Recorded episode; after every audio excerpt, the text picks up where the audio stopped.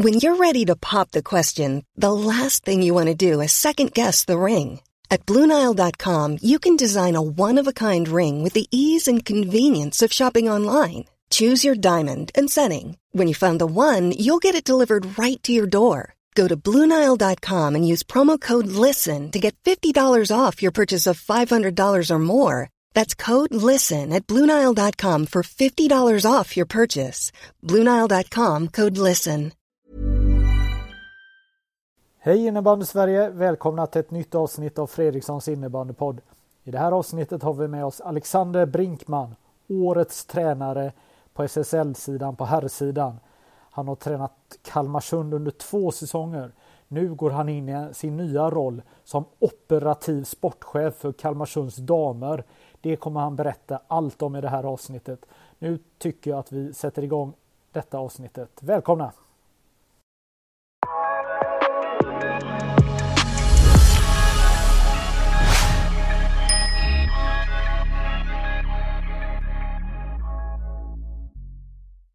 Ja, då säger jag välkommen till Alexander Brinkman till, eh, inte sommarpodd, men det har varit sommarväder idag, eller hur? Ja, verkligen. Vi eh, började till och med prata semester här, så det får man ju får man lugnt säga. Mm. Vad, eh, jag tänker så här, du är ju aktuell eh, att du har blivit framröstad eh, som årets tränare i SSL för Kalmarsund, men du har ju en helt ny roll Eh, framöver. Jag tänker att vi ska gå in och prata om det alldeles strax men jag tänker att vi ehm, hoppar in och så ska du förklara vad som hände i slutet av säsongen med, med Kalmarsund och herrlaget. Jag tänker att vi hoppar in eh, eh, till ögonblicket när ni spelar slutspel mot Falun och Falun meddelar att de har coronafall i truppen. Vad är det som händer från där och tills säsongen tar slut. Ja, eh, det har ju, har ju gått en liten stund nu. Det, det är ju eh, det är några sjuka dagar faktiskt. Bokstavligt talat får vi väl också säga. Eh, vi, vi satt, jag satt faktiskt själv på ett, ett planeringsmöte för, för damverksamheten den torsdagen. Eh, lite på förmiddagen bara. Vi skulle ha match på kvällen. Var klara med allt och sen så eh, får vi bara till oss att Falun har vänt och de har, eh, de har coronafall. Eh, och vi hade hel, hel och frisk trupp utifrån vad jag visste. Ehm, och sen så eh, fick vi bara instruktion om att, om att vi, vi behöver ju testa oss såklart. För att vi hade ju, hade ju träffats fyra gånger då inom loppet av en vecka. Så att jag åkte raka vägen dit där vi har haft tillgång till test, testutrustning. Och på vägen dit så, eh, så ringer faktiskt eh, hon som är ansvarig för testen hos oss och bara då har hon hunnit testa av några spelare. Och eh, som, som kunde komma med kort varsel och bara alla hittills är positiva. Oj. Och det var inte, det var liksom inte ens en handfull men det var ändå det var några stycken. Och då kände man direkt att så här, man, man gick från att vara lite förvirrad kanske över så här, vad händer nu? Falun har åkt hem. Får de lämna VO en match? När ska vi spela nästa? Till att man ju direkt fattat att det här var inget bra. Um, och sen så då, ja, jag fick ju vackert gå in där också och testade också positivt på en gång. Um, så att, eh, nej men sen jag varit liksom, eh, jag, jag var symptomfri men jag vart ju febrig eller dåsig av hela hela situationen. Eh, vi hade ju två dagar tidigare liksom kämpat febrilt för att hålla den här ledningen och vinna match fyra borta i Falun. Och, eh, det var ju som för alla lag en eh, tuff och lång säsong där det hände många, många konstiga saker, eller liksom var stora omställningar. Eh, så att eh, det var mycket tankar som gick genom huvudet då och sen eh, Sen testade vi igenom laget och hade ju ett gäng eh, positiva. Framförallt var det ju sen när, eh, när PCR-testerna kom eh, och vi, eh, vi satt i karantän. Det var ju då man började inse att det inte var bra alls. Liksom. Eh, och eh, ja, personligen så hade jag möjlighet att, att låsa in mig från allt och alla. Så jag, jag höll mig borta från eh, sambo och dotter också. Så att de fick hålla sig friska, eh, vilket de gjorde. Så att eh, man hade några, några, några dagar där man satt, eh, satt ensam inlåst och funderade på vad som skulle hända. Ja, en ganska märklig situation för att eh, om vi tar den här säsongen så har man ju sprungit runt och aktat sig och varit försiktig hela, hela säsongen. I vanliga fall är det ju också någonting som man alltid dras med som spelare, ledare att undvika bli sjuk, eh, vanliga förkylningar och, eh, ja, och bli sjuk helt enkelt. Men här nu under den här galna, konstiga säsongen så har det ju varit ännu mer eh, viktigt att vara på tårna och eh, så att det här blev ju jättekonstigt, eller hur?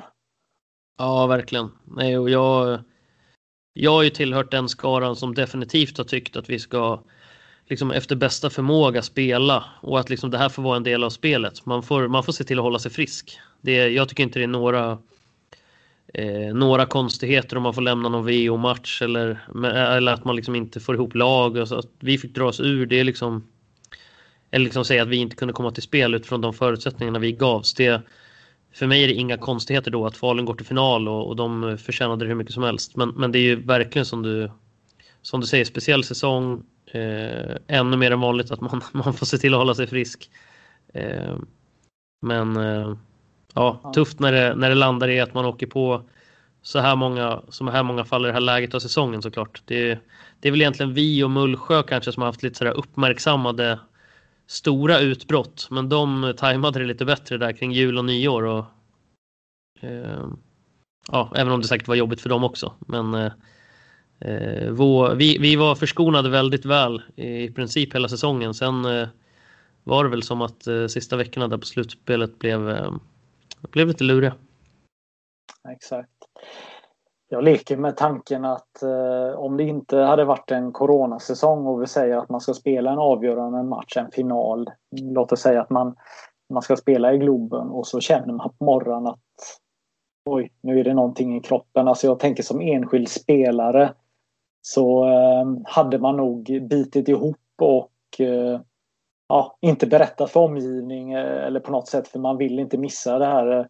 Eh, eh, så att, så att det är ju väldigt känsligt ämne att, att prata om och väldigt svårt. Alltså den här situationen som, som uppstår framförallt då när det är många i laget som inte har känt av någonting. Jag menar du berättar själv att du inte hade några symptom. Nej precis, nej och jag, jag håller med. Alltså jag hade ju inte Eh, för mig så var det väldigt lätta symptom när de väl kom också. Som sagt, jag blev, jag blev lite dåsig bara av att eh, liksom höra eh, vad som höll på att hända. Eh, men sen så var jag kanske förkyld i tre, fyra dagar. Men jag kan ju säga det att under de här omständigheterna så hade jag ju sagt, alltså några dagar senare där, då hade jag ändå bett om att få bli testad för att jag, jag, jag inte kände mig hundra liksom. Men, men en vanlig säsong så hade jag ju inte absolut inte liksom stannat hemma från en match för att jag kände mig sådär, än som ledare. Möjligen att man hade tagit lite distanser och sådär och det må hända att det är en svaghet hos en själv kanske, men, eh, men det är precis som du säger, man vill ju inte missa de här matcherna och då eh, det finns ju en, det finns ju någon form av fara i det också utifrån att vi har spelat trots att det varit covid. Eh, det finns säkert massa spelare som har liksom bitit ihop fast vi har sagt att man inte ska göra det. Men Samtidigt så blir det liksom, det blir upp till det egna ansvaret och det är det som på något sätt ändå måste, måste gälla. Eller bedömningen har gjorts att vi ska spela och då är det det som måste gälla. Ja. Eh, gällande Kim Nilsson där som eh, kom tillbaka ganska snabbt. Det har ju varit en del frågetecken kring det. Vad, vad kan du berätta kring det? Eh, nej, men det som jag tycker blev lite olyckligt där var väl egentligen att Eh, vi, vi, så här, vi har gjort likadant under hela säsongen, att vi har inte kommunicerat när någon har haft eh, covid. Utan vi har bara kommunicerat att man har varit borta sjuk, om det har varit så. Vi har haft några, några få fall. Eh, dock, dock har inte Kim varit sjuk tidigare och han blir ju lite... Medialt blir det lite intressantare, av förklarliga skäl. Eh, och då så eh, hade ju han suttit i sin karantän ja, x antal dagar. Nu ska jag, jag ska inte sitta här och återberätta exakt vad men, men säg att det var fyra, fem dagar som han hade varit off, fyra kanske så, ehm, eh, så kom det ut i media. Eh, och eh,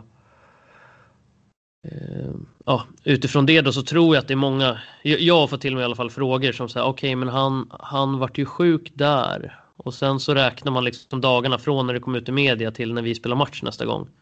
Eh, och det tror jag var fem eller fyra eller fem eller något sånt ehm, eh, och, och när det kom ut i media var han redan på bättringsvägen och hade liksom dagen efter sitt första träningspass för att han hade ju en liten trappa för att kunna ta sig tillbaka till spel. Eh, och eh, det är väl det som egentligen blev, blev felet och vi kunde säkert gjort saker bättre i kommunikationen kopplat till det. Men, eh, men, men vi har valt tidigt att inte, inte kommunicera covid utåt utan att det får vara upp till spelarna. Sen är det några som har valt att prata själva i media när de har fått frågan och sådär. Eh, och det är väl samma som för Kim i det här läget. Han fick ju den raka frågan av en journalist liksom. Eh, har du covid eller stämmer att du har covid? Och då, jag, jag tycker ju så, precis som Kim gjorde i det här läget, jag tycker inte att man eh, gör en journalist sitt jobb så pass bra tycker inte jag att man ljuger liksom. Sen så blir problemet när historieskrivningen blir eh, blir ställt i relation till det datumet då men eh, eh ja, vad ska man säga, alla de här instanserna som man ska sköta sig mot, alltså förbundet eller eh, smittskydd, Kalmar eller sådär. När vi har varit i kontakt med dem så har det ju inte varit några, några konstigheter så. Men det blir ju medialt så blir det ju inte, blir, blir inte så bra, även om det kanske inte har varit det största fokuset. Men det har ändå kommit frågor. Mm. Um, bra, jag tänker eh, vad som hände då, det var ju att eh, semifinalserien eh, Eh, pausades eh, först då. Eh, ni ligger under med 3-1 i matchen. Man behöver ju vinna fyra matcher för att eh, ta sig till final. Och så blir det ett nytt upplägg och det upplägget betyder att man ska spela matcher från tisdag finalveckan fram till eh, söndag då. Och i det här fallet då, eh, när jag killgissar så, så ser jag ju då framför mig att ni behöver vinna fyra matcher eh, under en vecka. Alltså inte ens en vecka utan det är sex dagar. Och det är ju nästan helt orimligt att man ska vinna fyra matcher på, på en eh, vecka. Och framförallt om det är mot Falun och Storvreta. Men vad, vad var det som... Eh, vilka vägar fanns? Eh, hur, eh, hur resonerar ni? Eh, eller kan, kunde ni inte ställa upp med ett lag eller vad? Eh, nej, men när man tar det sportsliga så tycker jag att det var liksom eh, med andra förutsättningar för oss rent truppmässigt så, så tycker jag att det hade varit liksom en en väg vi hade kunnat gå. Det hade varit fair. Jag tycker det var bra att de vred om så att vi fick två hemmamatcher och vi tog avgörande i Falun för att få till logistiken och sådär. Eh, och, eh, och även om det såklart är tufft att, att vinna fyra, fyra matcher mot de lagen så, så tror jag alla lag vet det där, dels när vi vinner 3-1 matchen, vad det skulle kunna innebära rent mentalt och självförtroendemässigt för oss. Och, eh, så det är ju samma, samma fast det eh, är ännu starkare känsla om vi skulle ta nästa match och det är 3-2 och helt plötsligt så, så tror jag både vi och liksom Falun hade kunnat börja fundera. Men, men nu blev det ju inte så. Och och för oss så hamnade vi egentligen i ett läge när vi hade så pass många sjuka eh, så, så blev det ju mer att vi, eh, om man säger om man jämför då med Kim till exempel som kom tillbaka mellan kvartsfinal och semifinalserie så, eh, så märkte vi på honom att han inte var liksom 100 procent. Han var ju inte, vilket ju många vittnar om att det tar några, ganska många veckor, kanske månader innan man är, man är helt fit for fight. Eh, men då kunde vi välja att spela honom, alltså vi spelade honom två, tre byten per period. Han spelade powerplay, han spelade 6 mot 5. Vi hade ju en match här hemma när vi förlorade 5-4 i match 3 när han, jag tror han spelar sju, sju byten plus att vi trycker på lite mer sista 10 minuterna. Ehm, men så kan man ju inte göra med en hel trupp. För ska vi göra så med 15 gubbar eller liksom, ja, då, då är det ju, då har vi bara liksom 10-12 spelade byten. Sen ska någon täcka upp den andra tiden. Eh, så att vi hamnade i ett läge där vi hade behövt belasta eh, oavsett hur friska spelare hade hunnit bli. Det, hade vi, det visste vi inte när vi tog det här beslutet. Men oavsett hur friska de hade hunnit bli så skulle vi ha behövt belasta dem hårdare än vad vi eh, i samråd med läkare kunde bedöma var, var rimligt och var hälsosamt. Och då, eh, jag var inte med och tog det beslutet ska jag säga, men jag står ju bakom det verkligen till 100 procent. Och det var ju det var ett föreningsbeslut utifrån ett arbetsgivaransvar. Att vi kan inte skicka ut de här, de här killarna och inte veta. Och jag kände väl även som ur ledarskapssynpunkt så är det svårt Och liksom, när man inte vet vad det här kan få för följder, både kortsiktigt vad som kan hända i matchen, vad, liksom, hur påverkar det här lungorna, hur påverkar det här hjärtat? Eh, och även på sikt, vad kan det här ge för men över tid? Och att då som ledare stå och liksom, nu är inte jag den som kanske skriker mest, men, men att liksom eh, kräva 100 procent av, av eh, folk när det kan innebära en fara. Det, man hamnar i en ganska svår eh, position som ledare tycker jag också då. Eh, så att utifrån det så, så tycker jag det var ett klokt beslut av föreningen att, att fatta. Och sen så ja, jättetufft att få inse att det var den enda utvägen liksom. Men det var, det var den enda utvägen.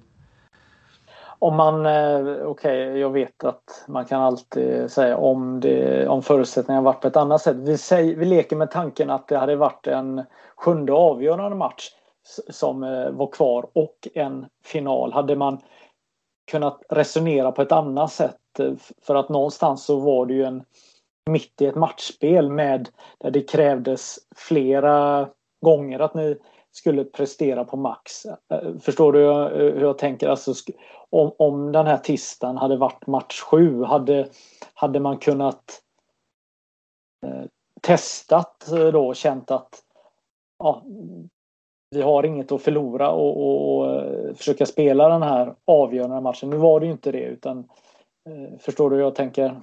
Ja, nej men jag tror att hade det varit eh, Absolut så var det så att den totala belastningen sex dagar, inte utifrån sannolikhet att vi ska vinna, utan bara den totala belastningen. Eh, var, det var ju det vi tog beslutet utifrån.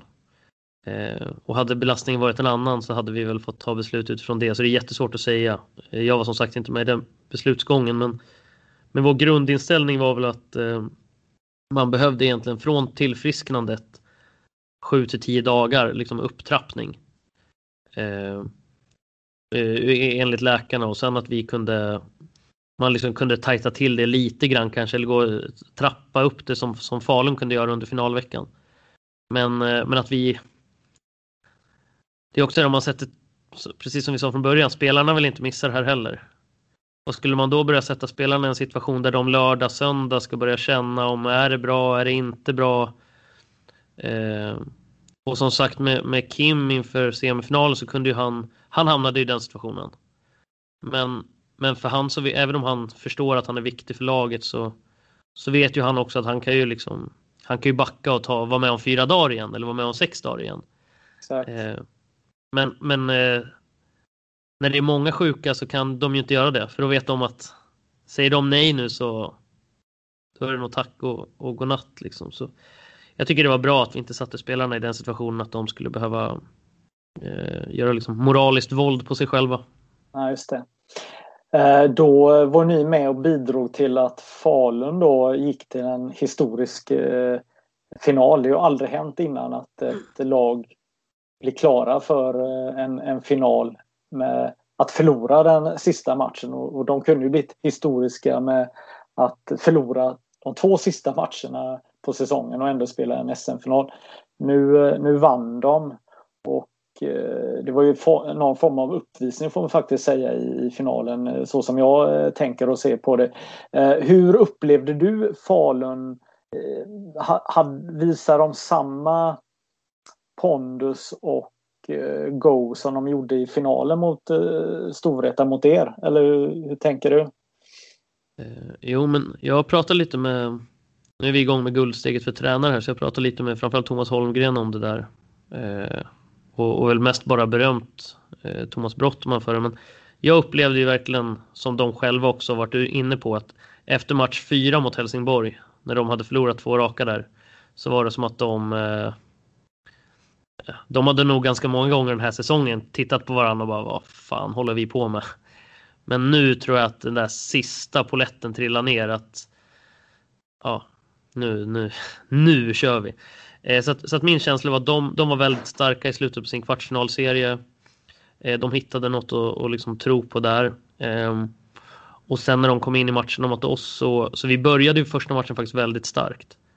Ehm, och sen så, dels så vrider ju de om sitt lag och fick jättebra effekt på det när de tog fram Enström och liksom breddade sitt lag på tre femmor. Eh, vilket vi inte klarade av att svara på då. Ehm, i samt, egentligen de går ju ner på folk samtidigt eller ändrar om i sina formationer samtidigt som Kevin Haglund blir skadad i match 1. Och han var ju våran bästa spelare liksom under, ja kanske hela våren. Eh, och då kändes det ju som att det klarade ju inte vi av att brotta tillbaka eh, i slutet av den matchen. Vi förlorade i förlängning. Eh, andra matchen 5-0. Tredje matchen, även om det var jämnt, så var ju de ändå i någon form av... Man kände att de var starka. Eh, men sen så, så vred vi till det lite och fick liksom, det var ju eh, lite så här förtjänad tur i fjärde matchen. Vi, vi jobbade jäkligt hårt då. Eh, men sen så fortsatte de med det, precis som du säger, in i finalen. Jag tycker de eh, Alltså de dominerade ju inte utifrån att de liksom hade bollen och snurrade upp Storvreta. Men det fanns ju liksom ingen gång under matchen där man kände att det skulle sluta på något annat sätt än att Falun skulle vinna. De eh, kändes ju mentalt, fysiskt, tekniskt, taktiskt mycket, mycket bättre. Eh, och det, det var imponerande att de kunde komma in så. Mm. Ja, men det känns faktiskt lite som att de eh, överraskade lite i finalen. Och kanske även mot er för att eh, om, om vi backar bandet eh, lite och när vi går in i, i semifinal spelet. Man kan ju inte säga att ni var favoriter. Det kan man ju inte göra med regerande mästare och med ett lag fullt med landslagsspelare. Men, men det var en väldigt öppen eh, fight och det var ju många i innebandy-Sverige som funderade, är det Kalmarsund som ska bryta den här dominansen mellan eh, Storvreta och Falun? Och, eh, eh, ja, det blev ju inte så denna gången. Nej, Nej, men jag tycker egentligen när man har kollat på Falun under säsongen. Vi har ju mött dem. Vi vann ju mot dem två gånger i grundserien också. Eh, och den sista gången där i februari eh, så eh, det har jag sagt till dem också att då såg man att spelarna inte visste vad de höll på med. Alltså de visste inte vad de skulle göra. Och det förvånar mig faktiskt väldigt mycket att de klarade av att på en månad gå från, från det till det vi fick se mot slutet. Eh, och det är ju ett gott tecken, alltså det är ju verkligen eh, all beröm till både ledare och spelare hos dem. Ehm, för de var förvirrade och de satt inte ihop som grupp. Det var min bild när vi var uppe hos dem senaste, eh, eller sista eh, grundserieomgången mot dem, eller sista grundseriematchen. Ehm, men eh, sen tycker jag när de vred om sitt lag, flyttade upp Enström, dubblade Emil Johansson. Bara det att de dubblade Emil så att det liksom de får jäkla fint lag alltså. Det, det, vi som jobbar ganska hårt, eller vi har, har gjort det, jag är inte kvar. Eh, vi har varit väldigt tydliga sådär med matchning och vilka vill vi ha vår första femma mot och vilka vill vi ha vår tredje mot och vem ska spela man-man och sådär. Och, eh, och helt plötsligt sitter man och tittar på deras lag och eh, jag har ingen aning vilken femma som är bäst. Nej, nej. och det, jag, jag är liksom stor beundrare av både Omar Aldib och Viktor Wettergren och helt plötsligt så är de i tredje kedjan med Johan Samuelsson som kanske var deras bästa spelare. Eh, nej, så att, eh, jag är jätteimponerad av, eh, av hur Falun vred till det. Jag måste säga att jag håller med om att man inte förväntade sig den när man gick in i slutspelet. Men för mig så var de definitivt favoriten in i finalen för att så, om, om, när de här spelarna kunde delta. För att eh, jag tycker de hade klart bäst trupp eh, när, de, när de gjorde så i kombination då med att Storvreta faktiskt har ju blivit svagare och svagare under säsongen rent eh, truppmässigt. Ja, de kändes lite passiva i finalen, eller hur tänker du? Eh, jag vet inte om jag ska recensera dem så jättemycket, men, men de pratar ju... Jag vet ju bara att jag tänker väldigt olika mot hur de tänker innebandy, tror jag. Mm. Eh, de pratar ju väldigt mycket om kontroll, att de vill ha kontroll på saker och ting. Och för mig så betyder det lågt alternativt varierande tempo. Eh, mm. och jag tror på högt tempo. Eh, och då eh, det är liksom eh, det, det, det fick inget bett på Falun. De var för bra. Eh, du eh, pratar om Emil Johansson och mycket speltid. Jag tycker det är ett intressant ämne. Hur mycket kan man spela med en, en, en, en spelare som han? Alltså, alla lag kan ju ha spelare, kanske inte i hans klass, men som betyder så mycket för laget. Alltså, hur många minuter kan man låta några nyckelspelare spela i viktiga matcher? Var, det känns som att det var lite mer förr i tiden så kunde vissa nyckelspelare spela så här extremt mycket som Emil gjorde i SM-finalen. Men hur tänker du kring det? Går det att, att eh, låta vissa spela brutalt mycket? Jo, men det tycker jag absolut att man kan göra. Sen, vi har faktiskt inte haft någon i vårt lag som kanske har varit vare sig lämpad för det rent spelstilsmässigt eller varit tillräckligt bra fysiskt för det. Eh, kollar man Jönköping till exempel har haft Emil Nilsen, han har nästan varit ännu värre än Emil Johansson. Han har kunnat spela liksom mot oss när vi förlorade. Vi förlorade mot dem 9-1 i december. Han låg säkert på över 45 minuter. Eh, han dubblade i 2-5 och spelade powerplay boxplay. 5 mot 6, 6 mot 5. Nu behövde de spela 6 mot 5 i den matchen när de vann med 9-1. Men, eh, så, att, så att det är väl någon form av gräns. Jag vet med min sista nu ska vi se, säsongen 15-16 så åkte vi ut med 3-0 mot Pixbo i semifinal när de vann på Tele2 eh, med Endre. Och då spelade ju Anna Jakobsson minst 17 minuter i tredje perioden. Eh, andra femmans kortaste byte vet jag var på 3-4 sekunder. Eh, och, eh, så att, så att det går väl alltid, hon gjorde tre mål, vi förlorade 4-3. Så att det finns ju spelare som är lämpade för Anna Jakobsson var en sån, Sara Sten var en annan som vi hade ändrat men men eh, här har vi faktiskt inte haft någon som... Vi har ju till exempel Kevin Björkström har varit en sån som när han är i slag då känner man ju att man vill ha honom på planen hela tiden. Eh, och att det liksom inte finns något slut på hans energi. Eh, men han hade ju en, en vår där han hade varit, eh, ja men han var ju borta lite skadad och sådär så att eh, han gick inte riktigt in, det har jag sagt själv också. I, I slutspelet gick han inte in i någon, någon toppform liksom utan han, eh, vi, fick, vi hade ganska många spelare i slutspelet som vi fick eh, matcha med omsorg. Ja. Är det, eh, I vilka situationer blir det att man kan dubbla med spelare? Är det när en eh, uppenbar Eh, uppenbarligen startspelare eh, blir skadad som man kan göra det? Eller är det lite känsligt att säga till truppen att nu kör vi på ja, tre backar eller fem backar eller, eller eh, ojämnt antal forward och att någon dubblar, att någon kör i två femmor som forward om man nu kör med tre femmor exempelvis. Hur, när uppstår de här situationerna? Eller när skulle de kunna uppstå? Men jag tänker att det är när man, när man tror att det är bästa vägen för att vinna.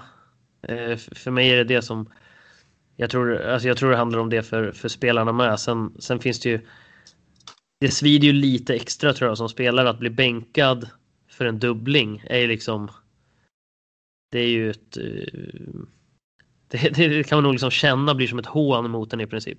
Mm. Eh, men, men det är ju inte eh, jag tror liksom i, i förlängning, det, det är ju sällan man dubblar de, de sämsta spelarna. Så att när de, väl, när de väl tittar på det i efterhand så kan de säkert förstå. Vi gjorde ju så i sista matchen, eh, så det som blev sista matchen då, när vi vann semifinal 4. Då spelade ju Anton Nilsson hos oss. Eh, om jag liksom ska rätta mig själv. Han är väl den enda som kanske har varit, varit lämpad för det på alla sätt. Och, eh, eh, ja, han dubblade ju då i två femmor och var, var riktigt bra. Han var nog vår bästa spelare i den matchen. Eh, ja. Och låg på över 40 minuter. Men eh, ja, det är väl egentligen när, när situationen kräver och när spelarmaterialet tillåter. Ja. Eh, ja, jag eh, fungerar ju ibland som eh, hobbycoach eftersom jag är spelande tränare och ja, jag spelar ju division 1000 men, men jag har ju några gånger gjort så här eh, situationer där folk undrar vad man gör då men då, låt säga att våran första femma gör ett mål i, mitt i matchen och så säger jag ja, ni fortsätter och så råkar de göra ett mål till. Och eh, så säger man ytterligare en gång att eh, ja, men kör en gång till och det är bara i första perioden. Den typen, okej, okay, jag förstår ju i SSL så behöver man ju andas lite. Och, eh, men vid mål, om man är smart spelare så kan man ju se till att, att vilan blir, kanske inte som ett normalt byte, men förstår du resonemanget? Eh, det här att man faktiskt kan pumpa eh, de tre sista minuterna av första perioden av andra perioden där man är brutal mot toppspelarna. Eh, Absolut. Ja, men alltså, det är en typisk sån sak som vi kanske har gjort ganska mycket när vi har haft en så framförallt offensivt stark liksom, första femma där Kim Nilsson och Kevin Björkström och de här killarna har fått spela lite extra och är det någon som har behövt något avlastningsbyte då så har man kanske skiftat in en spelare. Ja. Eh, men eh, absolut, eh, det, det, har varit, det har varit en sån sak som vi har gjort ibland och sen det beror också lite på sådär, ibland är det vi som har kanske prioriterat matchningen och motståndarna har, har försökt komma därifrån. Men ibland har det också varit så att kanske vi märker att motståndarna är jättemåna om hur vi ska matcha och det på ett sätt som vi trivs jättebra med. Då har det funnits gånger under säsongen där vi kanske har låtit våran, ja, oavsett vilken femma det är, första eller andra femman framförallt, att de kan få spela liksom i, det är helt okej om de tar byten som är två och en halv minuter långa. Så länge de möter en femma som vi jättegärna har på planen hos motståndarna. Eh, och eh, det kan också vara en sån sak som spelar in. Mm. Nej, men jag eh, tänker ju att eh, den situationen som jag eh, beskrev är ju ganska rolig också på något sätt om det nu är så att motståndarna väldigt gärna vill möta en, en, en eh, viss femma och så, så ser de att ja, de går in igen och så, så någonstans så vinner man ju matchen i matchen också mentalt där att, att det är vi som bestämmer vilka ni spelar med som jag slänger in eh, min första femma ytterligare en gång. Ja, Nej, men absolut. Och det, det är faktiskt en eh, en Eh, en person jag haft som lite mentor kan man säga som, som använt det mycket och jag vet att de hade sagt en bra sak i sitt lag att, att det ska vara ett större problem på motståndarbänken när just sådana här situationer. Det är lätt att, att man blir irriterad när det ska matchas och så helt plötsligt får man stå över något byte och så tycker man egentligen att man borde få spela hela tiden. Eh, men det ska alltid vara ett större problem. Om man kollar bort på motståndarbänken så ska det liksom, där ska det gnällas på den här saken. Men hos oss ska det bara skapa energi och det tror jag Ja, det, liksom, får man in den mentaliteten så tror jag att då är det en sak man kan dra jättemycket nytta av. Mm. Nu vill jag bara hoppa på uh, olika ämnen här men helt plötsligt så är jag inne på um, bara en fråga här som, som slog mig. Var, hur du resonerar. Vi säger att man spelar med tre femmor. Uh, eh, det har varit ett powerplay uh, som, som ni har haft då. Och Eh, så är det dags för byte. Vem går in? Går andra femman in, tredje femman, första femman? Och... Eh, Nej, då vi, alltid, vi utgår alltid från den matchningen vi vill ha. Så att det beror på vad motståndarna stoppar in. Och eh, om man tar som Falun till exempel, om man tar det exemplet som var färskaste matcherna så spelade de en del med eh, sina bästa forwards, eller om man säger typ Alexander Galante Karlström var en sån som han spelade ibland första boxplayet. Och så kom några andra in och spelade andra boxen. Och då kunde man ju misstänka att bytet efter boxplay så skulle Galantes femma in igen. Och då spelade vi också ofta våran man-man femma till exempel efter powerplay. Så Kevin Haglund fick stanna. Eh, för att vi skulle ha rätt folk inne. Så det, det, är lite olika saker som, som styr vad motståndarna gör. Men vi, vi har prioriterat matchningen generellt. Det har vi gjort mot alla lag. Det spelar ingen roll om det varit Falun eller Fagerhult. Liksom.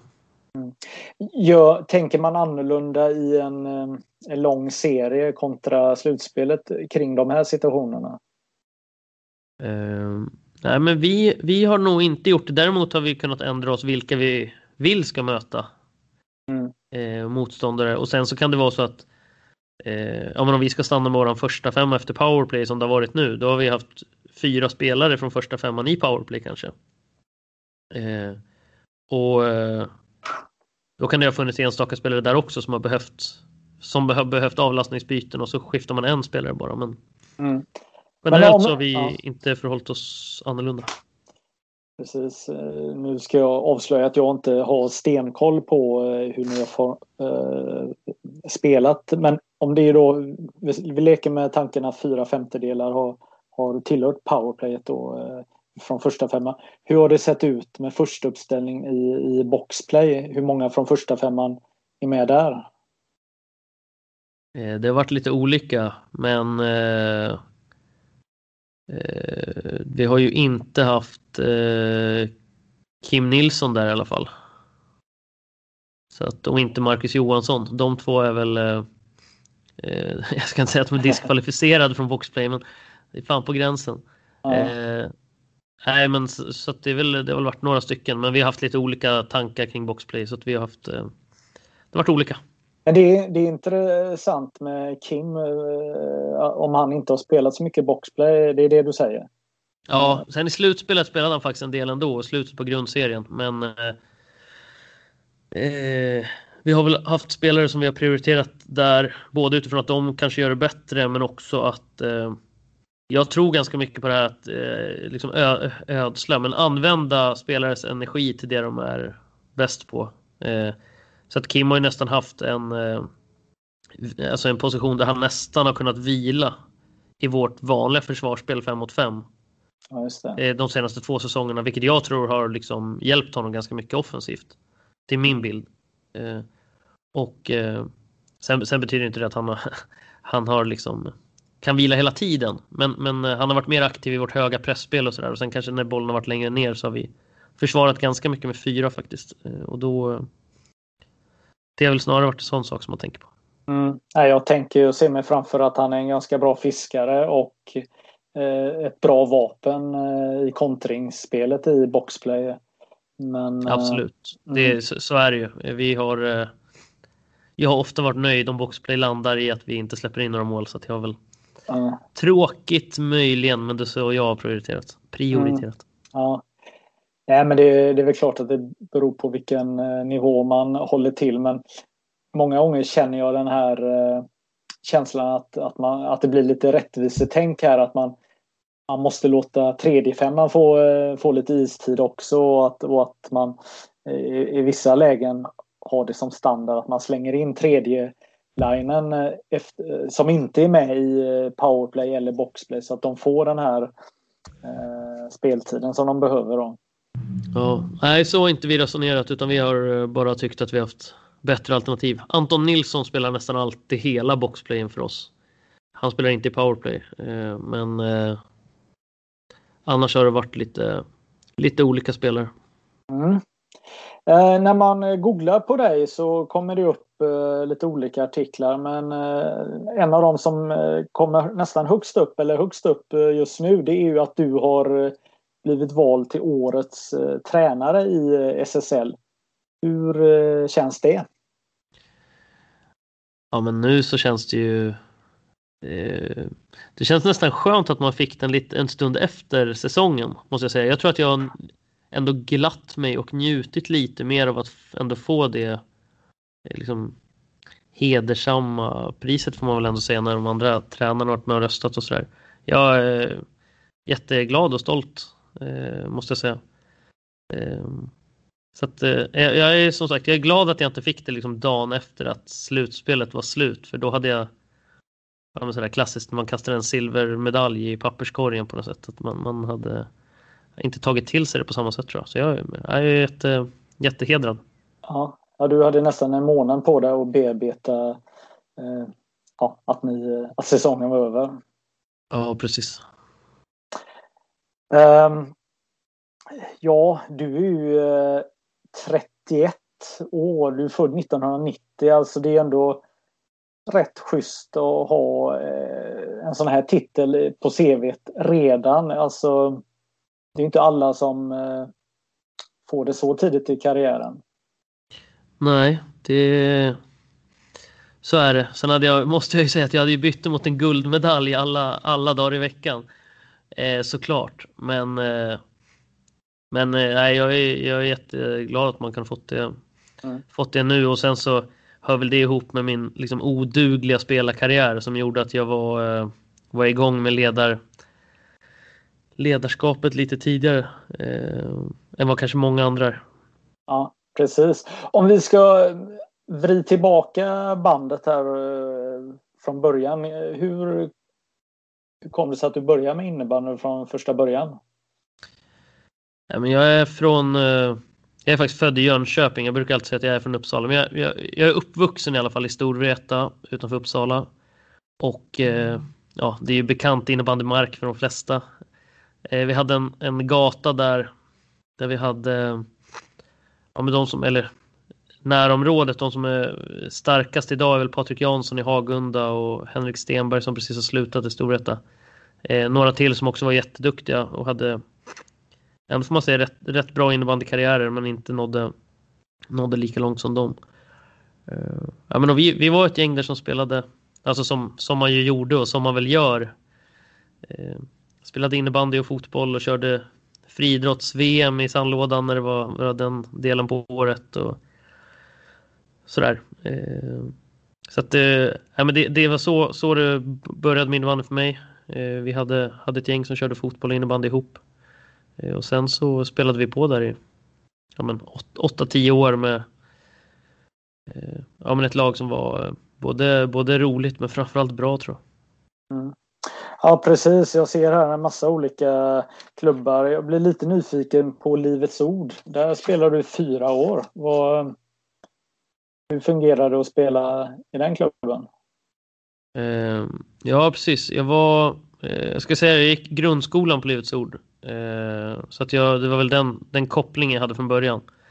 Eh, de har väl verksamhet från man föds till man dör höll jag på att säga. Eh, det är väl så eh, sådana sammanhang funkar. Men eh, vi eh, eh, ja, efter det kan man säga att min, min idrottslärare från, från högstadiet var en sån som jag liksom ändå hade och har eh, någon form av kontakt med liksom. Eh, Thomas Bäckman som var ja, men såklart stor förebild då. Han var ju eh, tränare för herrlaget där. Eh, så att dels så, eh, vad ska man säga, förde väl han in mig lite på så ledarskapsområden när jag gick i 8-9 på högstadiet så hjälpte till att träna ungdomslag. Eh, och sen då när jag egentligen gick från man kan säga Uppsala innebandy. Min bild är att Uppsala innebandy var lite rörig de där åren. Det var säkert mitt liv också, mellan att man var sådär 16 och 19. Eh, vissa kom upp i Storrättas A-lag där Henke Stenberg såklart var den som var liksom längst fram i tåget. Eh, vilket jag tror stressade oss andra ganska mycket. Eh, några, några till kom upp, det var nog 6-7 stycken som var uppe i A-laget som mest. Men eh, det vart väldigt mycket liksom... Jag tror att Allianshallen bjöd in, precis som de har IFU-arena idag, bjöd in till att man bytte lag ganska mycket. Liksom, det var lätt att bara byta träningstid från, från 7 till 8 i samma hall. Eh, så, att, så att där var man runt lite grann men, men, eh, men jag hittade in bra i det där laget. Thomas tränade dem och vi hade vi var väl ungefär hälften eh, som hade någon form av koppling sedan tidigare till liksom det mer religiösa sammanhanget Livets Ord. Eh, och jag var väl ur det då men jag hade ju ändå liksom barndomskompisar där. Eh, och så var vi väl ungefär hälften som var, ja man kände varandra på andra håll. Eh, några sådana här Uppsala innebandyprofiler från de, de åren. Typ så här, två bröder Hoff, Marcus och Niklas som var sådana som var jätteduktiga i årskullarna ovanför mig. Till mm. exempel. Vi hade ett eh, sånt lag i eh, sånt lag. Vi hade ett lag i Göteborg som hette IBK Mission och de spelar ju som högst i näst högsta serien. Det, eh, de uppträdde ju alltid schysst och, och, och sådär men det var det var alltid någonting surr kring eh, laget. Upplevde du någonting när, när ni åkte runt och spelade matcher eh, som eh, Livets Ord eh, innebandy?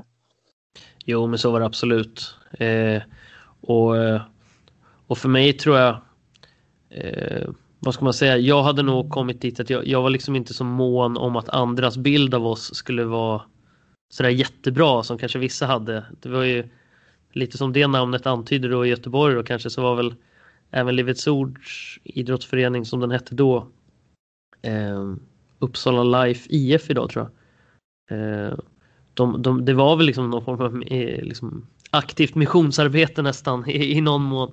Så att, så att, för min del så var det väl inte så mycket man, man reagerade på utan det var mest eh, eh, det var ganska stort intresse runt laget. Det var nog det som var den roliga grejen i Uppsala. Vi slog lite så här, vi slog något publikrekord för division 2 eller eh, ja, folk gick till kyrkan på söndagar och sen så gick man och kollade på oss när vi spelade innebandy och det gjorde att det var väldigt mycket roligare än att spela i, i liksom någon grannförening i samma division som hade 30 närmast sörjande så. Eh, då var det roligare att spela inför några hundra i alla fall. Ja, men det låter jättekul. Jag tycker lite eh, intressant det du eh, nämner med Henrik Stenberg där. Han var ju den första 90-talisten i hela Sverige som slog igenom. Eh, det gick ju väldigt fort eh, för han så att jag tycker det är intressant det du nämner här att han stressade er andra för han eh, jag menar helt plötsligt så spelade han i eh, i landslaget och VM och ja, det var väl... Hade han hunnit fylla 20? Ja, men det var väl ungefär i den vevan. Ja, precis. Jag tror att vi var... När vi var 14, tror jag, då åkte han på distriktslags-SM med 17-åringarna med eh, Joel Kanebjörk som visserligen är född 88 och Mikael Fredriksson. Och, nej, de var många, många duktiga 87-88 i, i Uppsala. Tyckte vi i alla fall. Um, och sen så var han ju hela tiden med de som var äldre och så vi slog ihop ett ganska bra lag eh, som väl nästan blev som ett distriktslag. Pojkar 16 i det som hette Årsta då. Um, och då lämnade han redan för att spela allsvenskan med Sirius ett år. Det är väl det, det orena året i hans Ibis när han var ur Storvreta ett år. Ja. Um, och sen direkt tillbaka till, till Storvreta året efter så att när han var 17 så var det ju då var det Mika och Hannes och de som fick uppfostra honom. Eller framförallt var det Staffan Jakobsson och Jesper Bergen tror jag som fick ta honom i örat några gånger men han, han blev bra snabbt. Ja, ja precis. Um, ja, men jag tycker det är intressant här. Ja, jag menar, du tycker säkert själv att du är jättegammal nu, 31 år och funderar shit, uh, hur ska livet eh, fortgå här? Men du, i många ögon så är du fortfarande ung. I mina ögon då eh, så är du ung. Eh, men jag tänker det här med att, att du börjar som ledare väldigt tidigt. Jag menar du, du har varit i Täby, Sala Silverstaden, Huddinge, Endre i fyra år och så Kalmarsund i två år. Ditt CV har ju byggts på ganska bra i 20-årsåldern.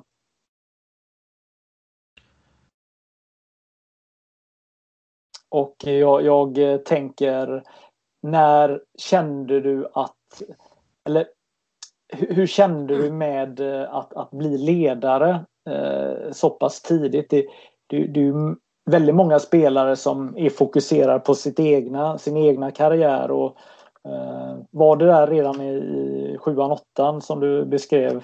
Och det är då det, det här ljuset tändes att bli ledare? Eller hur tänkte du? Jag, jag har nog alltid liksom fascinerats av Alltså mycket, jag har ju följt fotbollen mycket framför allt. Eh, jag, kan inte, jag, jag, jag, hade liksom ingen bild av elitinnebandyn. Absolut inte. Utöver då Storvretas herrar liksom, så kan jag inte säga att jag hade någon bild av elitinnebandyn. Inte ens när jag var 20.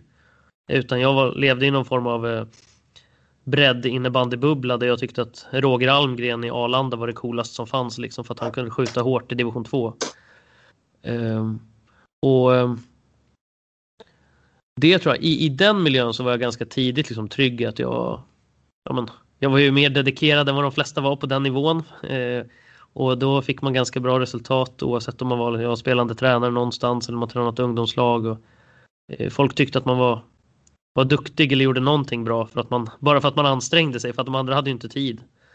Eh, men sen så eh, hade jag Eh, jag pluggade på Bosön två år mellan 2010 och 2012.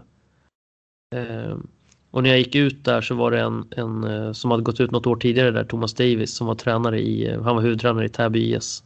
Och hade varit i några år.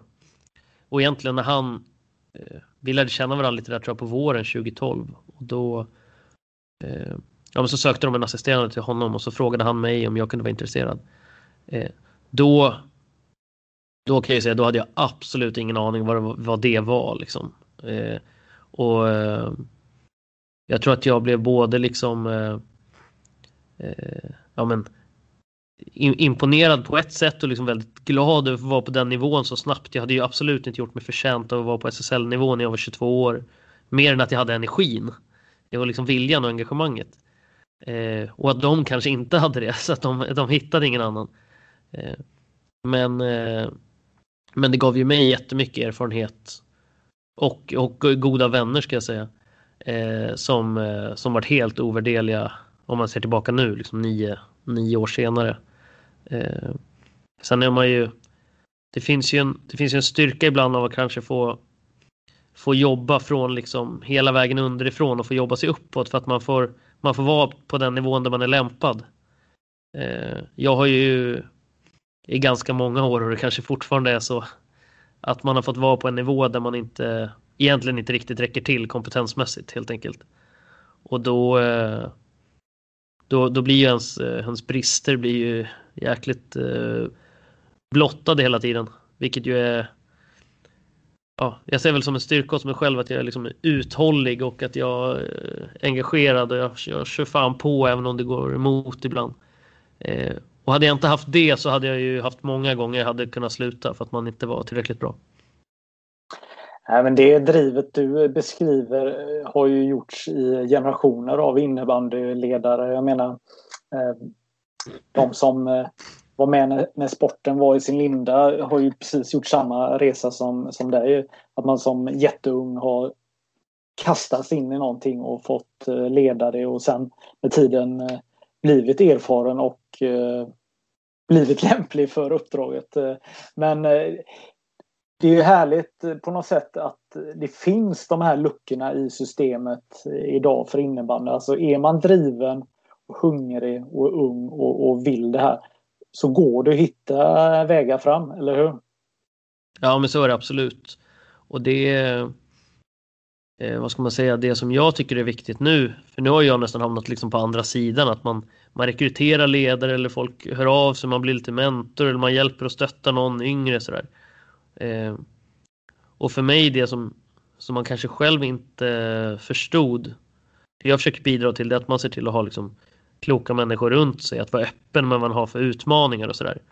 För det, eh, det som lätt blir, i synnerhet där i början, men så är man väl alltid, men det är att man vill kunna allt och vill visa att man kan allt och man eh, Ja men det finns ju en, en liksom negativ stolthet på något sätt i att man ska vara så jäkla duktig. När man kanske skulle utvecklas mest om man bara erkände att man var så jäkla dålig. Mm. Eh, så, jag, jag har hört eh, Stefan Billborn prata om det någon gång. Eh, den här Dönninger-Kryger-kurvan heter det väl när man med kompetens i relation till liksom eh, självförtroende eller ödmjukhet. Sådär. Och det, är, mm. det är ju lätt så att ju sämre man är ju, ju bättre tror man att man är. Eh, mm. Eh, jag tänker Endre var du i fyra år. Det måste ju vara en fantastisk skola att hamna i. Eh, jag tänker eh, långt från fastlandet och innebandyn är eh, jättestor och det finns ett jättestort intresse och engagemang. Så det måste ju vara en otrolig utmaning att eh, befinna sig där och, och driva verksamhet. Absolut. Vi eh, jag hade ju ett huvudtränarår i SSL innan det med Huddinge. Eh, skrev två år där men sen så, så kom, eh, kom väl vi tre parter överens om att, om att det var Endre som var bästa alternativet året efter. Och det är lite som du, som du säger, det var ju en fantastisk möjlighet och jag, jag vet att när de ringde mig så svarade jag bara nej direkt på telefon och sa att eh, jag har avtal nästa år med Huddinge så att det, det blir inget liksom. Och sen så åkte jag hem och så pratade med min, min sambo dåvarande och nuvarande, ska jag säga, eh, Sandra. Som, eh, och så bara sa jag det att äh, det här är ju, jag är ju dum i huvudet. jag springer runt i Storängshallen i en friidrottshall och spelar matcher inför 200 personer där liksom, ja, det kändes som att ingen brydde sig. Och så, och så fick man liksom möjligheten att vara äldre. Eh, och vi hade precis mött dem också. Eh, och liksom fullt i Södervärnshallen och galna folk. Eh, så att jag ringde faktiskt upp dagen efter igen och bara, hörni, om ni inte har gått vidare, det här nejet, glöm det. Eh, och sen så möttes, ja vi, vi hade något möte där och eh, eh, ja, sen var vi besök över på Gotland och då förstod man ju verkligen att att man, eh, det var något man ville göra i synnerhet i den delen av någon form av ledar eh, ja, men, både karriär och utveckling som man var i. Det var ju eh, det var en jättemöjlighet och i efterhand för mig att att få komma dit var ju verkligen, där bottnade jag inte. Men jag hade ju världens bästa liksom eh, såna här simpuffar i, eh, i Jocke Sjöstrand som eh, som var, ja, stod som assisterande. Och han står ju fortfarande som assisterande. Och han har gjort det i hundra år innan också. Eh, och är ju liksom eh, han måste vara den, den det är lätt att prata om så här, vem kan mest innebandy, men hur som han, han är jätteduktig och han är så jäkla ödmjuk och eh, prestigelös liksom. Så att, att han överhuvudtaget lät mig, lät mig stå där när han alldeles säkert märkte att han kunde det bättre. Men att han liksom alltid stöttade det och alltid ut, var med och utvecklade mig, det, det får jag ju vara tacksam för resten av livet. Så, så att det, det, framförallt det var ju den absolut största grejen. Och sen att liksom ja, alltså de spelarna vi hade framförallt första året och som man när man eh, fick lära sig vad liksom kravställan var från så här Anna Jakobsson att så här, när, när man märker, alltså hon, hon drog sig inte för att säga när någonting inte var tillräckligt bra. Eh, jag kommer ihåg framförallt någon gång i början där och, och det första året tror jag utvecklade mig enormt mycket. Eh, vilket gjorde att man kunde vara lite, lite tryggare och bättre åren därefter men framförallt kanske när man lämnade ändå. Låter ganska schysst ändå att, att en rutinerad spelare som vill det här väldigt mycket sätter press även på en, en ledare. Eller? Ja, absolut, men det tror jag eh, det tror jag är mer regel än undantag när man kommer upp till den nivån. Hon har ju både en spelmässig kapacitet som är extremt hög men också eh, liksom en, en, mentalitet som jag tror att även om man inte varit i hennes lag och bara sett henne spela så tror jag att man liksom uppfattar att det där är någonting speciellt. Eh, och det är liksom inte jag kan inte säga att jag har stött på eh, kanske någon spelare vare sig före eller efter. Eh, ska, man, ska man likna det vid något, även om de inte är så lika egentligen, men då, då var det liksom eh, Sara Sten som hade något liknande i sin liksom, mentalitet att det bara var eh, ja, närmast vårdslös mot sig själv liksom både i träning och match. Ja, ja nej, otrolig profil. Jag hade ju tillfället att slänga upp en eh, mikrofon och fråga henne hur det kändes eh, minuterna efter de hade åkt ut mot Pixbo här nu. Och, eh, ja, jag har aldrig upplevt en stelare intervju kan jag säga. Det, det var... Ja, hon var tokförbannad. Inte på mig utan hon var tokförbannad på situationen. Ja. Då har hon säkert ändå kanske mjuknat lite av att ha att det är sådär, två barn senare och lite sådär. Men, men eh, nej, hon är, hon är häftig. Ja, ja, grymt. Du, nu tänker jag att vi ska byta spår ytterligare en gång här och nu ska vi prata eh, din roll eh, ja, sen eh, ett litet, litet tag tillbaka här. Du är alltså operativ sportchef för Kalmarsunds damsida. Kan du eh, förklara vad det innebär? Eh, ja, men det är eh, det är väl en roll som vi har tagit fram som är liksom i vad ska man säga? Sportchef är ju de flesta liksom bekanta med, men på något sätt liksom ansvarig för avtals, avtalsfrågor och truppsituationen och, och ledarstab både för Eh, ja, men A U-lag och egentligen kan man säga även, även yngre lag på, på de sidan i föreningen och flick. Men anledningen till att operativt stå med där är ju också för att eh, både min önskan och föreningens önskan är att eh, vad ska man säga, att jag ändå ska vara i verksamheten på ett närmare sätt än vad man kanske lätt hamnar i som om man säger bara sportchef. Eh, min bild av, av eh, både sportchef jag haft att göra med men även eh, på andra håll är att det blir lätt att man, man jobbar stenhårt på våren, sätter ihop ett lag, sätter ihop en ledarstab och sen mer eller mindre eh, så blir det så att man, man sätter sig på läktaren och recenserar det jobbet de andra ska göra. Ja, men nu är det er tur, liksom, lös det här. Och för mig så, jag tycker inte att det skapar någon bra arbetsmiljö. Vare sig för, jag tror inte på det som, som sportchef, men jag tror inte det skapar någon bra arbetsmiljö för spelare och ledare heller, utan eh, Alltså, alla vet att kontinuitet är en sak som, eh, som ger resultat. Eh, och, och då, är det liksom, då behöver man egentligen aldrig hamna i ett läge där man eh, resonerar kring att folk ska liksom bort i ledarroller. Utan jag, jag tycker det mer handlar om att man sätter ihop ett bra team, sen jobbar man tillsammans och vi ska, ja, som i vårt fall, vi har sagt vi ska vinna SM-guld inom fem år. Och, eh, och då är det vi som här som ska göra det med våra fel och brister och så får vi utvecklas tillsammans. Eh, och, och även på ungdomssidan liksom att eh, ja, vara, med, var med och bidra till att utveckla verksamheten, inte sitta bredvid och bara säga när saker är, är fel eller på sig. Mm. Vi ska komma tillbaka till eh, era visioner här för framtiden. Men vad jag funderar på, vad du säger är att du kommer arbeta när laget har träningar och match också då? Eller, eller hur, hur eh, förstod jag det rätt att, att, du, att du har arbetstid även då eller, eller hur, hur eh, ska du följa laget? Eh, nej, men jag, jag, kommer inte liksom eh, driva träning varje dag så. Däremot är jag, eh, nu vet ju inte jag hur alla andra sportchefer jobbar så jag kan inte svara för det men men jag är med liksom i, i planeringsarbetet och sådär i, i ledargruppen och, ehm, och sen i själva utförandet så kan man säga att jag är, jag är på plats så mycket jag kan men eh, det kan vara så som ja, förra veckan till exempel så prioriterade jag att vara och eh, vara med och starta upp våran U-lagsverksamhet istället för att vara med och, och driva träning med A-laget. Och någon annan gång, och eh, en annan dag förra veckan så var jag att vara med och driva ett innebandypass för flickor 05 och vara eh, liksom ha en, vad ska man säga, det blir som någon form av utveckling slash utbildningspass med deras ledare och sådär. Eh, och då är det viktigare för oss än att, än att jag skulle vara plats varje, varje innebandyträning. Vi har ju mycket kompetenta tränare för A-laget så att jag, eh, ja, jag behövs inte där men jag finns som resurs. Ja.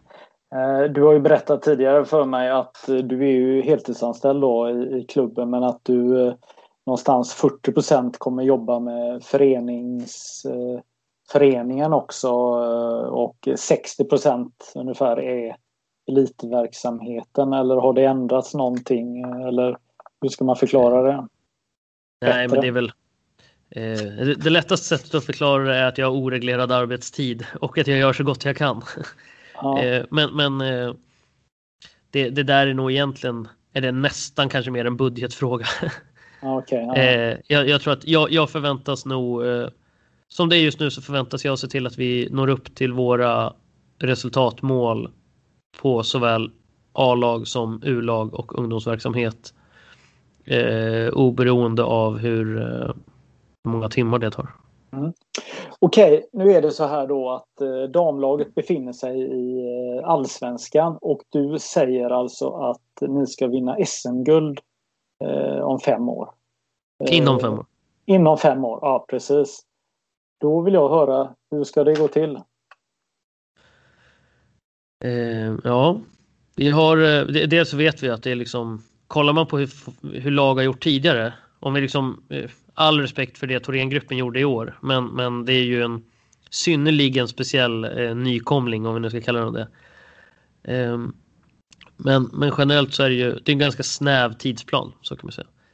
Ehm, men, men vi har väl en ganska klar eh, vi är ganska alltså, vad ska man säga, självsäkra i att vi har liksom ett, ett lag och en trupp och en organisation som håller för att avancera till SSL den säsongen som vi drar igång nu, 21-22. Eh, sen vet vi att nästan allt i alla fall kan hända i ett kval och att det liksom är eh, det är inte helt lätt att bara gå in och säga att man ska gå upp och så gör man det. Vi vet ju med herrarna till exempel så hade de ett jättetufft år för, för fyra år sedan. Där de eh, förlorade straffar mot Örebro och inte gick upp. Och så avancerade de till SSL istället för tre år sedan. Då. Eh, men men det, det kan man säga att vi, vi har ju siktet inställt på att så snabbt som möjligt gå upp till SSL. Ungefär med befintlig styrka. Vi är klart att vi försöker stärka laget ytterligare. Det har inte varit någon, någon hemlighet i media att vi till exempel haft Moa Köpp på besök här som ju är en, vad ska man kalla det, en liksom överdimensionerad eh, kompetensmässigt eh, så, spelare för, för allsvenskan. Um, men det är väl egentligen det. Så att dels har vi över tid har det byggts en stark organisation i FBC Kalmarsund. Det är ju innan min tid. Det är ju eh, ja, dels, dels eh, flera år bakåt men framförallt de senaste tre, fyra åren med klubbchef Per Wiberg som eh, jag menar, hur driven som helst har varit med framförallt byggt upp en stark ekonomi. Eh, och eh, och det, det behöver inte jag prata om för det är han duktig på att prata om själv så det, det kan ju folk läsa och lyssna vart fan som helst om man vill höra mer om det. Eh, men det som man har gjort med de pengarna som ju är väldigt olika tror jag hur man investerar dem. Det är att vi har byggt upp en, man ser liksom ett kontor eller eh, en organisation med Eh, ja, men just nu så när vi går in i säsongen så är det fem stycken som jobbar heltid med innebandy. Eh, och det är ju få föreningar förunnat. Och det är få föreningar förunnat att kunna ha liksom så breda eh, inkomstkällor och liksom en så jag upplever att vi ändå har en ganska snabbt växande men ändå ganska trygg ekonomi. Så, Ehm, så att dels med den starka organisationen och den ekonomin som ju bara man märker att den växer när vi säger att vi går ut och, och, eh, och satsar så här så har ju vi har ju sponsorer som och, och personer som hör av sig och frågar liksom, ja ah, men jämställdhetsmatchen 2025 som är vårt projekt som vi liksom kör nu. Ehm, hur, hur, hur, mycket pengar behöver ni inte det? Och så börjar man liksom prata om så, ja, men det, det är miljoner kronor liksom som det här kommer kosta. Eh, mer i budget varje år. Eh, ja, okej, okay, men är det okej okay om jag, är det okay om jag säljer, eh, jag, jag har fyra företag här som vill lägga in 50 000 var. Får vi göra det? Så, ja, men det, det får ni göra. Eh, och sen så tar det några veckor och så är fyra företag åtta företag. Och, och så, det, det märker man att det finns ju liksom ett driv hos eh, vårt, vad ska man säga, liksom community kring oss. Eh, och vår, eh, ja, men våra, våra samarbetspartners och sponsorer att, att vara med och driva det här. Och det tror jag, den ekonomin, alltså man kommer ju alltid ner till det. Pengarna spelar roll. Pratar, försöker man prata runt det så eh, jag tror att det är extremt eh, sällsynt att man ska klara av att, att prata runt det och ändå lyckas. Eh, så det är en jätteviktig del. Eh, och att kunna bygga ett, ett, eh, ett lag med hjälp av det eh, som, som är starkt. Och ska vi säga en sak som vi har lagt jättemycket resurser på i år. Det är att ha en befintlig trupp som vi har förlängt med.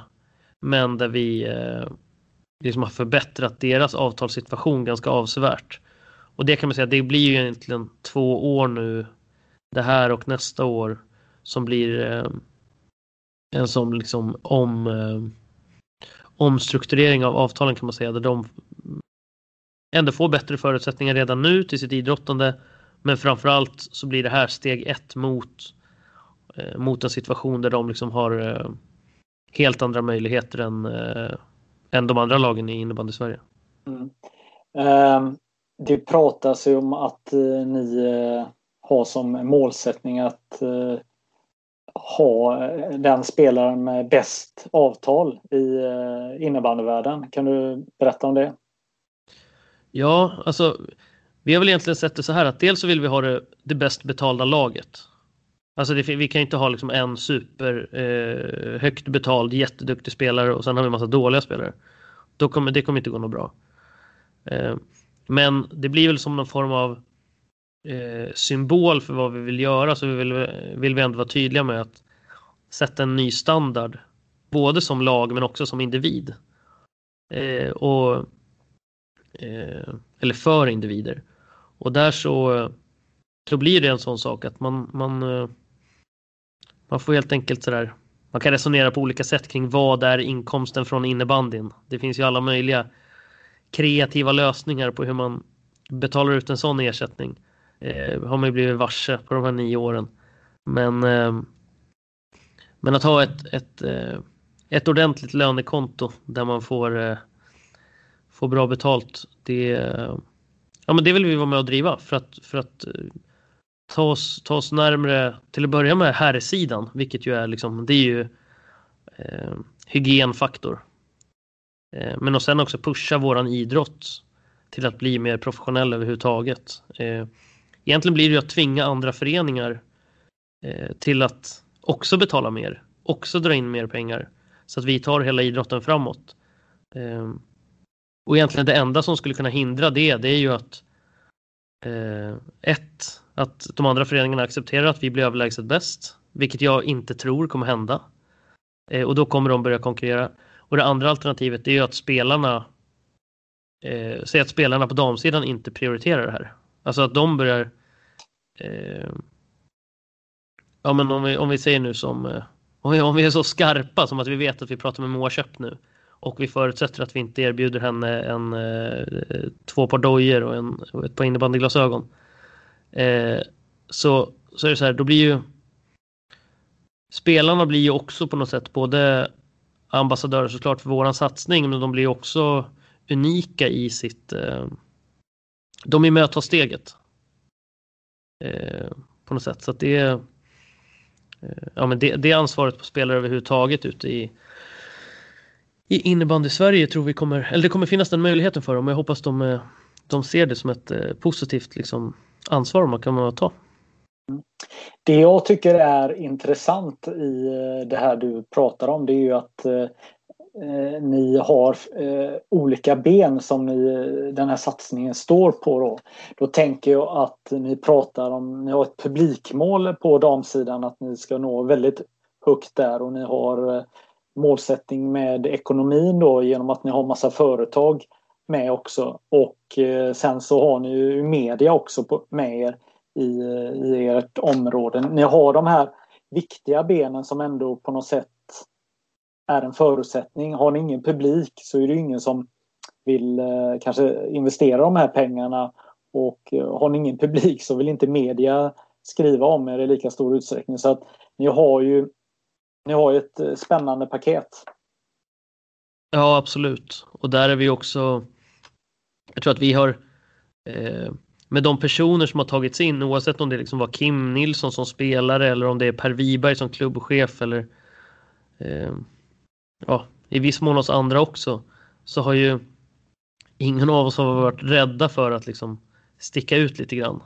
Eller eh, våga säga saker eller liksom eh, och det tror jag gör att vi, vi har liksom skapat och är på väg att skapa en eh, en, eh, en känsla kring oss av att, eh, ja, att det händer saker, att vi är modiga, att vi är offensiva, att vi är framåt och och att vi är liksom lite mer. Och sen så kan man absolut eh, tycka illa om det. För det, är ju, det, det, det ingår ju i, när man sticker ut så, så kommer folk att tycka saker. Sen om de tycker om, det är ju en helt annan sak. Och det har man ju blivit varse att det är inte alla som tycker om oss och det är inte alla som tycker om mig.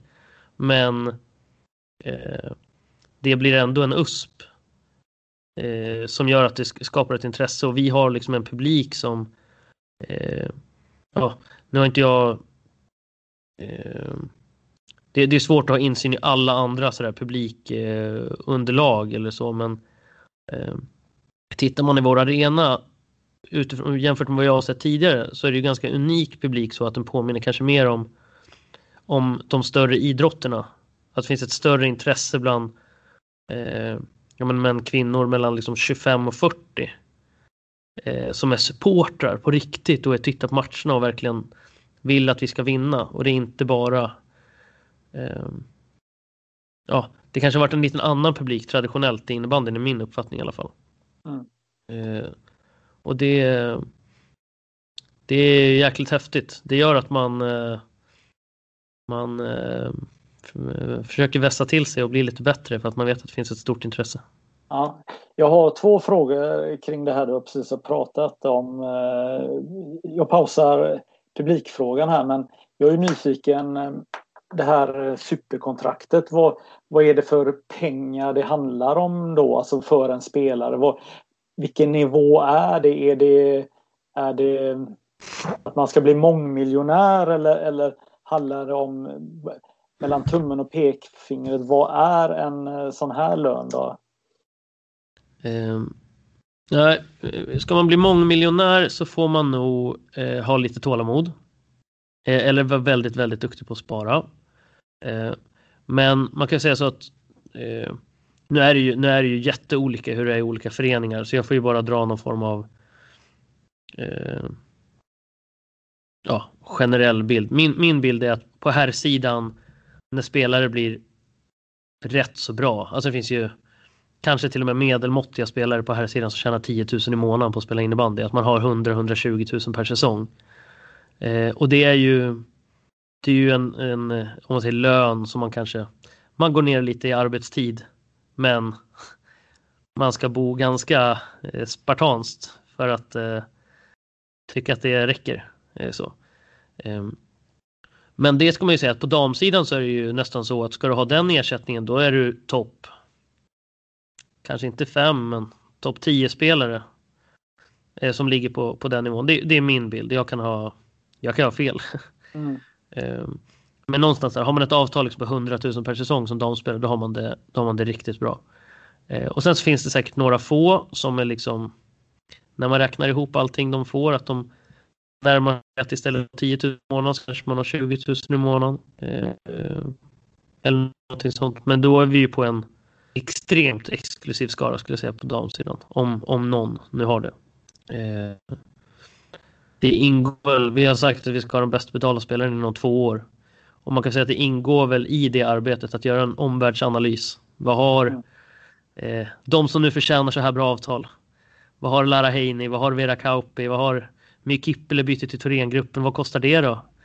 Mm. Eh, men, eh, men jag tror att man får ju för att liksom med gott samvete kunna säga att man betalar någon det bästa avtalet då får man i alla fall eh, eh komma upp en bit över 20 000 i månaden. Måste man ju göra. Mm. Ja exakt. Mm. Och det är väl på här sidan så har det väl varit generellt så här när, när det börjar, börjar det på en trea liksom att det börjar närma sig 30-35 000 i månaden då då är det en väldigt liten skara spelare som har det, har det så vad jag vad jag förstår. Mm. När, vi är, när vi är i Sverige ska vi säga, det är ju, vi säger världens bäst betalda spelare så kan det ju finnas någon, vad vet jag, Corinne Rytterman. Men eh, vi får väl matcha dem också vad det lider. Ja, just det. Men är det det som är vägen fram? Jag tänker, eh, låt oss säga att, att, att ett lag har tre heltidsproffs eller fem det underlättar ju inte med träningar och sånt. Eh, för man kan ju inte träna med laget då på kontorstid. Eh, eh, är det här steget att kunna träna på e- tidig eftermiddag eller lunchtid en, två dagar i veckan. Hur, är det ett alternativ eller är den ekvationen alldeles för komplicerad? Ja, men jag tycker att det är några faktiskt Eh, Eh, vi inkluderat, men det är några herrlag tycker jag som har ändå gått någon form av ganska bra väg där man har hittat eh, dels att man jobbar aktivt med liksom, ah, eh, näringslivet på orten så att man kan eh, hitta liksom, lösningar på eh, på hur arbetet faktiskt kan fördelas. För det är, det, det är viktigt att man kan bygga dubbla karriärer för det är liksom inte vi, ja, med de här summorna så är det ju inte något man eh, det är liksom inget man badar i efter karriären. Däremot så kan det ge en väldigt goda förutsättningar under sitt idrottande. Om man jämför med andra idrotter som, som friidrott, alltså friidrottare eller något sånt där, när man är på elitnivå, man kan ju jobba heltid och vara superduktig och liksom sprinter i en SM-final och inte, inte ha några pengar alls. Så man får ju jättebra förutsättningar för att idrotta här och nu. Men det är viktigt att man bygger dubbla karriärer med studier och med bra arbetsplatser och sådär. Och det vill vi vara med och bidra till. Men, men just att kunna ha ja, som vi har haft i år, man har två träningar i veckan med herrarna då, som är liksom i slut 17.00. Eh, och, eh, och sen så kanske man har liksom ytterligare något pass som är någon timma senare sådär, men skulle vi kunna hamna i det läget att vårat herr och damlag om fem år eh, båda lagen varje dag i veckan är färdiga med sina träningar när klockan är 17.00. Så att man kan ha man kan ha barn och familj utan några konstigheter. Det är liksom inte att man inte jobbar. Men att man är nere liksom och ja, men man går från jobbet vid två, tränar vi halv tre, klar vid fyra eller tränar vi tre, klar vid fem eller sådär. Eh, det tänker väl jag är liksom den realistiska målbilden.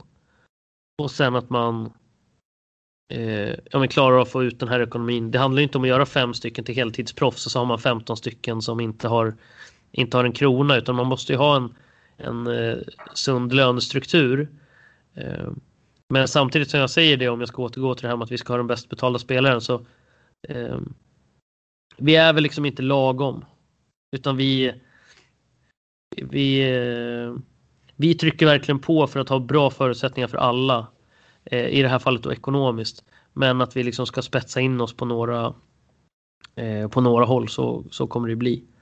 Eh, och sen ska jag också säga att en jätteviktig del i det här är ju att man har, nu pratar jag om träningstider som liksom, vissa föreningar kan inte ens fundera på att träna klockan tre. Inte bara av ekonomiska skäl utan kanske man får inte till, man har inte tillgång till sin lokal för skolan är där. Eller vad det nu kan vara. Vi har ju liksom en fantastisk arena som är byggd för innebandy. Eh, som vi mer eller mindre kan gå in i när som helst under dagen. Eh, nästa säsong kommer vi ha två extra pass under dag, alltså förmiddagar som både herr och damspelare kommer kunna vara på. Där vi har individuell träning och målvaktsträning och sånt där. Och det, eh, alla de här förutsättningarna runt omkring ska ju stämma också. Alltså att man har ett, ett omklädningsrum som liksom blir en, jag ska inte säga fritidsgård, men liksom att en, en fristad. Eh, och att man har sina grejer i hallen och att man vet att man kan åka dit med kort varsel efter jobbet. Vi har inga, inga avstånd att prata om här heller. Om jag jämför med liksom, om man bodde i Stockholm då kunde det vara, skulle någon skriva i en, i en grupp med laget då, nej men vi kör, vi drar, i, vi drar till hallen och tränar om 20 minuter, är det några som vill hänga med? En vardag. Det är ju det är helt omöjligt. Mm. Och man kanske kan vara där om en, en och en halv timme. Men nu kan ju det vara liksom fyra stycken som nappar och så är de sex stycken där och tränar om en kvart. Och det är klart att det gör, det gör ju all skillnad i världen. Låter som en helt otrolig innebandydröm det ni håller på att skapa i eh, Kalmarsund. Eh, det, det kommer att bli bra. Mm. Det är bra, eh, men det kommer att bli bättre. Mm. Ni pratar om tusen åskådare i snitt på damsidan. Det är ju verkligen att sticka ut hakan. Förutom att man ska vinna SM-guld. Hur, eh, Var ska den publiken komma ifrån? Alltså, eh, ska man ta från herrarna eller en ny publik man ska hitta? Hur tänker ni? Ja, men där kan man säga att vi har ju eh, förra säsongen som man fick ha publik, om man säger 1920, så var ju snittet på ungefär 400 för damlaget i allsvenskan. Eh, utan den här liksom, eh, vad säger, satsningen i ryggen. Och jag tror kombinationen av att vi trycker på gasen, Eh, kombinationen av att innebandy faktiskt har växt ytterligare det här året. Även om det har varit liksom ett tufft år så tror jag liksom herrarnas framgång framförallt då har ju liksom gjort att innebandykulturen håller på att bli ännu starkare.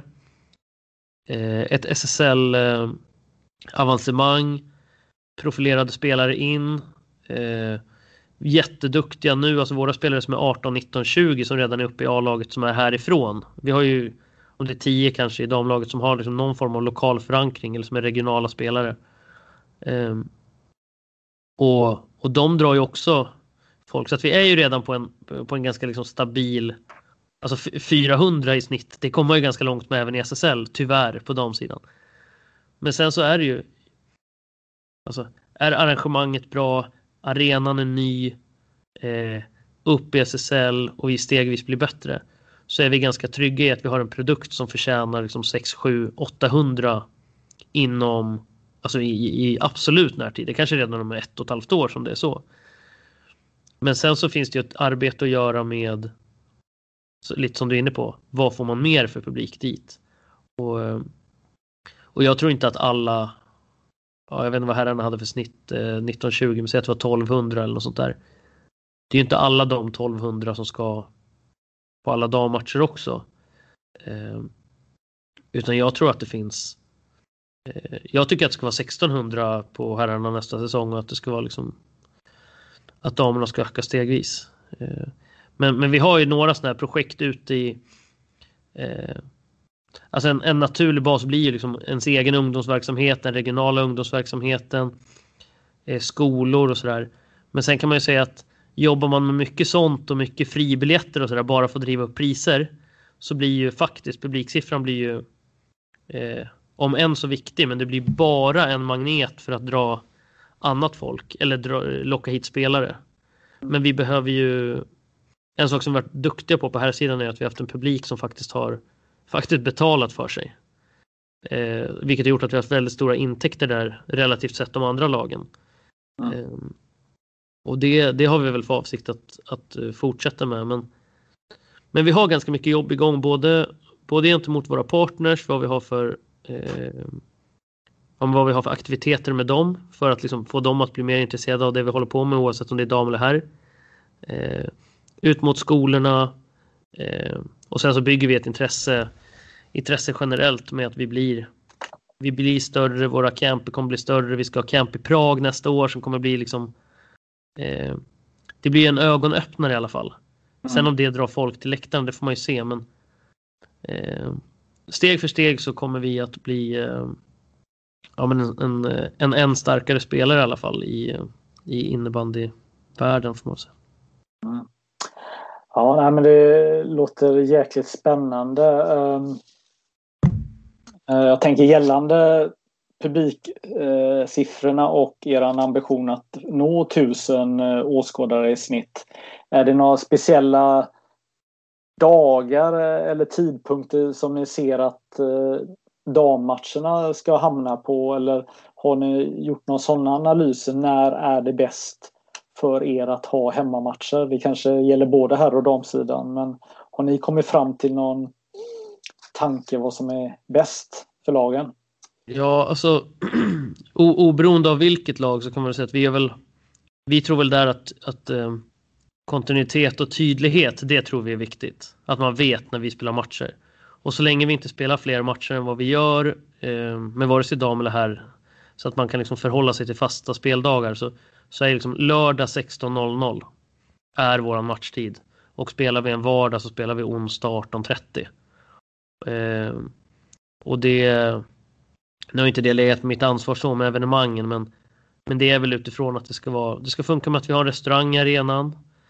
Eh, och eh, eh, ja, att det ska vara en sån tid där det liksom inte, man kanske inte begränsas av att man har för unga barn till exempel. Eh, det är en sån klassisk eh, anledning annars än vardag att vi har försökt lägga det så tidigt som möjligt med 18.30 så att det inte blir för sent för barnfamiljer till exempel. Men eh, eh, annars som man säger evenemangsfrågor så ligger inte riktigt på mitt bord. Men, men, men jag vet att vi har bedömt det som viktigt att vi har liksom fasta tider. Vi är inte med och eh, vi ändrar inte matchtider hur som helst. Hur tänker ni kring eh, dubbelarrangemang? Är det en väg att gå eller är den inte ultimat? Eller vad, hur tänker ni? Um, Ja, men vi, vi gör väl så att när, när det hamnar eh, som, som kommande säsong 21-22 så har vi en, en omgång tror jag i oktober där damerna möter Lindås och herrarna möter Djurgården. Eh, och då lägger vi matcherna efter varandra och då blir det ett dubbelarrangemang. Eh, men vi ser väl kanske inget självändamål i att det ska vara så. Jag tror eh, jag tror personligen att det kan göra minst lika mycket skada att det är två matcher samma dag, att man går på den ena. Jag kan bara gå till mig själv. Jag, så kul tycker jag inte det är att titta på innebandy, att jag hade gått på en annan förenings två matcher samma dag. Det, då får man ta Alexander 22 år i så fall, för att jag ska prioritera det. Nu så skulle jag mycket hellre åka till 4H-gården med min dotter och gunga liksom. Så att, eh, eh jag tror personligen inte på det. Vi får väl se vad, vad föreningen väljer att göra. Men generellt så eh, är det några enstaka tillfällen så gör vi något superbra av det. Men annars så är det eh, ja, var, var, var, eh, var sitt lag för sig. Mm. Ja, härligt Alexander. Jag känner att vi ska knyta ihop säcken här. Vi har pratat jättelänge och det har varit jätteintressant. Du har mycket kloka saker att eh, berätta. Ehm, jag eh, ser fram emot att följa Kalmarsund både på herr och damsidan. Det ska bli väldigt spännande att eh, se hur det kommer gå för er. För det är ju kul att ni vågar sticka ut och, eh, och även berätta vad ni har för planer. Ja, nej men jag tror också att det, och jag tror att det är ett, eh, det är kul att du tycker det är kul. Och vi tror att vi kan vara med och, och bidra till att pusha andra och liksom eh, sådär genom att, genom att faktiskt prata och sen försöka leverera. Eh, men att vara, att vara så öppna som möjligt. Och vi, ja, vi ska göra så gott vi kan för att kunna leva upp till våra ord också.